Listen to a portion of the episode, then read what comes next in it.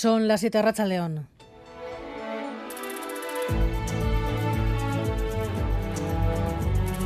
Gambara con Arancha García. ¿Puede ser esta la legislatura del debate territorial? Las negociaciones de la investidura de Pedro Sánchez pueden abrir puertas que hasta ahora no se han abierto. De momento hoy hemos visto a una vicepresidenta del gobierno español junto a Carles Puigdemont en Bruselas. Reconocimiento explícito del papel del expresidente como interlocutor fin del aislamiento y aunque el PSOE se desmarca del gesto de Yolanda Díaz, Sánchez incorpora al discurso de candidato la idea de que hay que tomar posiciones audaces para volver al tiempo de la convivencia. O sea que las piezas empiezan a situarse mirando al 28 de septiembre, cuando se supone que Núñez Feijóo habrá certificado que no puede formar gobierno John Fernández Moore. Será entonces en turno de un Pedro Sánchez que pone el foco sobre un concepto, la convivencia. Llega el momento de ser coherentes y de seguir avanzando en ese propósito por la convivencia. Es el momento de la política, de pasar página y aunque Sánchez se haya desmarcado, Yolanda Díaz, vicepresidenta en funciones y líder de Sumar, se ha reunido hoy en Bruselas con Puigdemont, dos horas y media de encuentro, en el que han acordado explorar todas las soluciones democráticas para Cataluña. El debate territorial es pieza clave de cara a la investidura. Hoy el Lendakari, aquí en Boulevard, ha precisado más su propuesta de convención constitucional abierta a la participación no solamente de los parlamentarios, sino también de comunidades eh, autónomas, expertos, eh, juristas, también prescriptores de opinión. Se trata de abordar, según Urcullo, la tarea pendiente de la Constitución española, que es el modelo territorial. Y esto con la previsión de elecciones al Parlamento Vasco el año que viene en Radio Euskadi. Hemos preguntado a Lendakari si se plantea un adelanto y nos ha dicho que la legislatura durará en principio nueve meses, John. Íñigo Urcullo se lo va a tomar como un curso escolar y por lo tanto sobre la mesa está la opción de hacer los exámenes finales, esto es, las elecciones. En junio podría hacerlas coincidir con las europeas, aunque el Endacari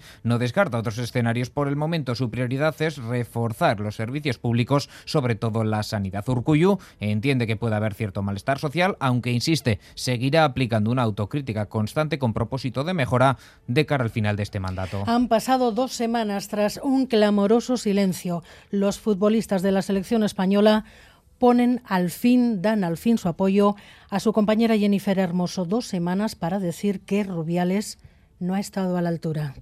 Queremos lamentar y expresar nuestra solidaridad con las jugadoras que han visto empañado su éxito. Queremos rechazar lo que consideramos unos comportamientos inaceptables por parte del señor Rubiales, que no ha estado a la altura de la institución que representa.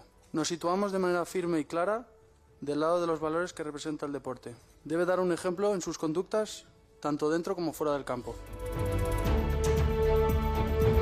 Agosto no ha sido bueno para el empleo como es habitual en este mes. Ha subido el paro y se han perdido ocupados. En Euskadi más de 12.000 porque con las vacaciones y pese a la reforma laboral se sigue destruyendo empleo estacional en algunas actividades. Pili Arrola, Arracha León.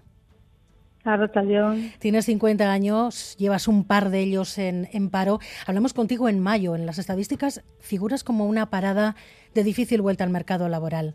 ¿Has conseguido trabajo en estos meses? ¿Te han llamado para alguna entrevista? ¿Ha habido algún movimiento?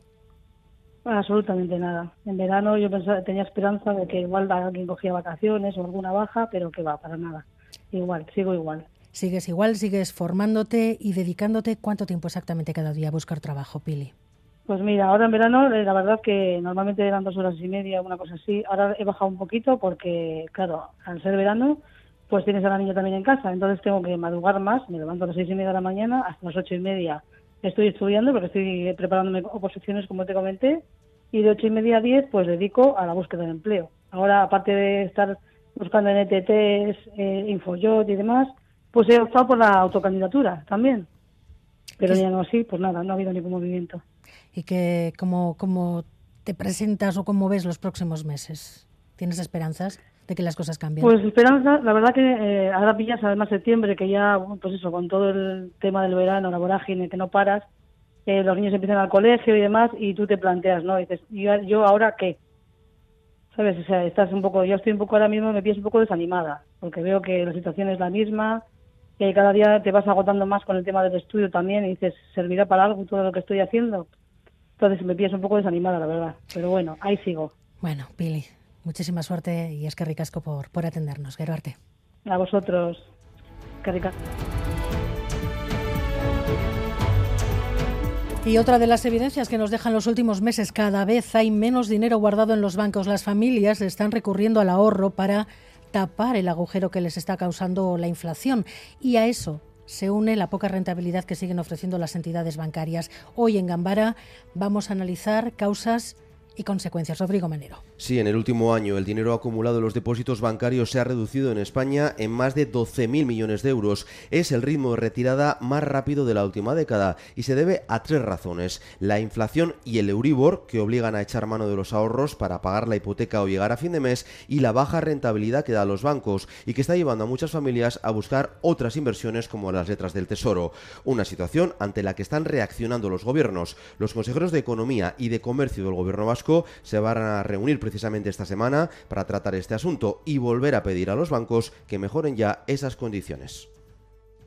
Ocho asesinatos machistas en agosto y dos más ayer mismo, apenas horas antes de la reunión del Comité de Crisis. Igualdad considera imprescindible llegar a todas las víctimas a través de los servicios de salud, de los servicios sociales, por ejemplo. Los expertos advierten, son cifras inasumibles y detrás de muchos de estos números, detrás de muchas de estas mujeres asesinadas, está el negacionismo solo se denuncia un 30%, el 80% de las asesinadas nunca haya denunciado y se sigue hablando no solo de violencia de género, sino de negacionismo de la violencia de género y se sigue presentando a los hombres como criminalizados porque las mujeres denuncian la violencia de género. Y todo eso está pasando porque hay una reacción por parte de sectores machistas para intentar incluso detener los avances que se han producido en igualdad y en la lucha contra la violencia de género. Y en Toledo y en Madrid, dos, tres muertos y tres desaparecidos a esta hora. El balance de las fuertes lluvias de las últimas horas en el centro de la península. Uno de los fallecidos ha sido localizado en un ascensor, el otro dentro de su coche. Un niño de 10 años ha sido rescatado por los bomberos agarrado a un árbol. Su padre está desaparecido. Y en Bilbao, el empeño de decenas de personas ha conseguido sacar a un hombre de debajo del Bilbo Bus este mediodía en la estación del Arenal. Estaba sentada ahí en el parque esperando la hora de la entrada de trabajo para abrir el local y resulta que veo dos ambulancias y una, un autobús, pues una persona atascada ahí adentro. Salí fuera a atender unas mesas y veías como unas 20 personas intentando mover de vamos a mover el autobús, no sé qué, y todos empujando el autobús, no sé si querían tumbarlo o simplemente levantarlo un poco para sacar al señor, que creo que era. Todavía no se sabe por qué causas ese hombre de avanzada edad, al parecer ha tropezado y ha quedado atrapado bajo el autocar. Y los deportes, este lunes, Edu García, lunes de balance de todos los clubes, no ha faltado ninguno. Racha León. Así ha sido. El primero de Roberto Lava, el eh, máximo responsable deportivo de la Real Sociedad, que ha vuelto a situar Europa como reto para esta próxima temporada en la que el conjunto churudín va a jugar en la Champions. También el del presidente del Athletic, John Uriarte, su director deportivo, Miquel González, que han vuelto a hablar de Europa también como un reto para el próximo curso y para enmendar el error que, no se, que se cometió la pasada campaña no logrando esa clasificación. Y de balance de mercado para Osasuna y para Deportivo a la vez. Braulio Vázquez ha dicho que eh, se pudo fichar a Abde, aunque a última hora el Betis apareció y el jugador se quiso marchar a jugar al equipo andaluz. Y ha recordado que el reto para Osasuna es quedarse en primera división, que lo de Europa está muy bien, la Copa también, pero que lo que importa es salvar la categoría. Sergio Fernández, el director deportivo del Deportivo Alavés, ha dicho por su parte que han conseguido cerrar la plantilla que querían casi el 90%, que están contentos con las incorporaciones. Una de ellas, la del Exola, presentado hoy, el ex de la Real, como nuevo jugador del equipo albiazul. También se ha presentado Odriozola, Álvaro Odriozola, que vuelve a la Real después de cinco años de paso por el Real Madrid, por el Bayern, la Fiorentina, vuelve a su casa y se da la circunstancia además, Arancha, de que podría debutar con la Real el próximo día 17, precisamente ante el Real Madrid. Es el próximo partido liguero para la Real, domingo 17 en el Bernabéu ante el conjunto blanco, podría ser ese día en el que Álvaro Odriozola volviese a jugar con la Real contra su ex equipo.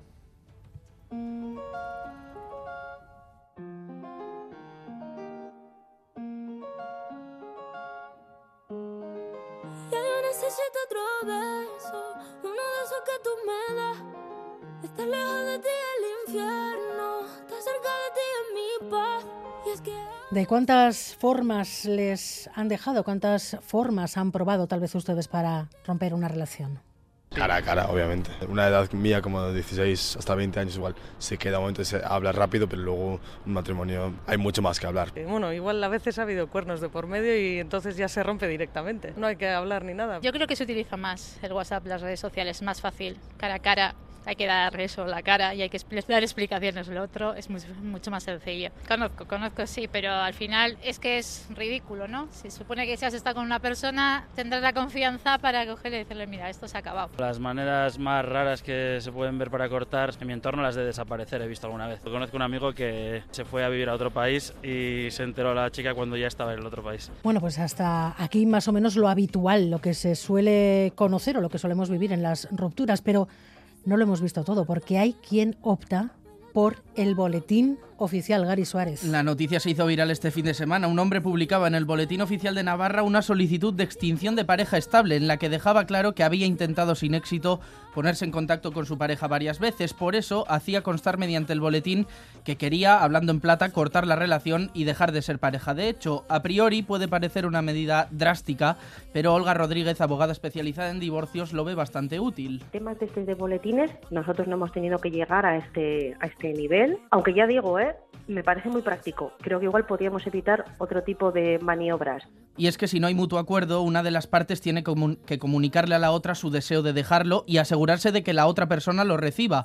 Una tarea en ocasiones complicada, por lo que publicarlo en el boletín puede ser un recurso válido. Cuando ya todo lo que ha estado en tu mano pues no funciona, pues estos boletines oficiales te garantizan que de manera fehaciente le has comunicado a tu vez que quieres deshacer esa pareja de hecho, si ya no responde es su responsabilidad y en cuanto se publica, la ruptura ya es vinculante. Sí, sí, a partir de ese momento la Administración tiene la obligación de proceder a la cancelación solo quedaría algo de papeleo. No es el único caso curioso que ha habido para poder romper con la pareja. De hecho, Rodríguez ha llegado a ver todo tipo de estrategias. No saber exactamente dónde reside una persona, tener que utilizar detectives para que nos digan pues el lugar en el que trabaja o el horario en el que lo frecuenta, pues para enviarle un burofax.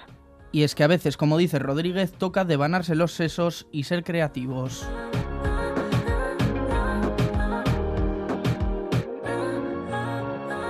Miguel Ortiz y Maitán Bujedo están en la dirección técnica, Cristina Vázquez en la producción.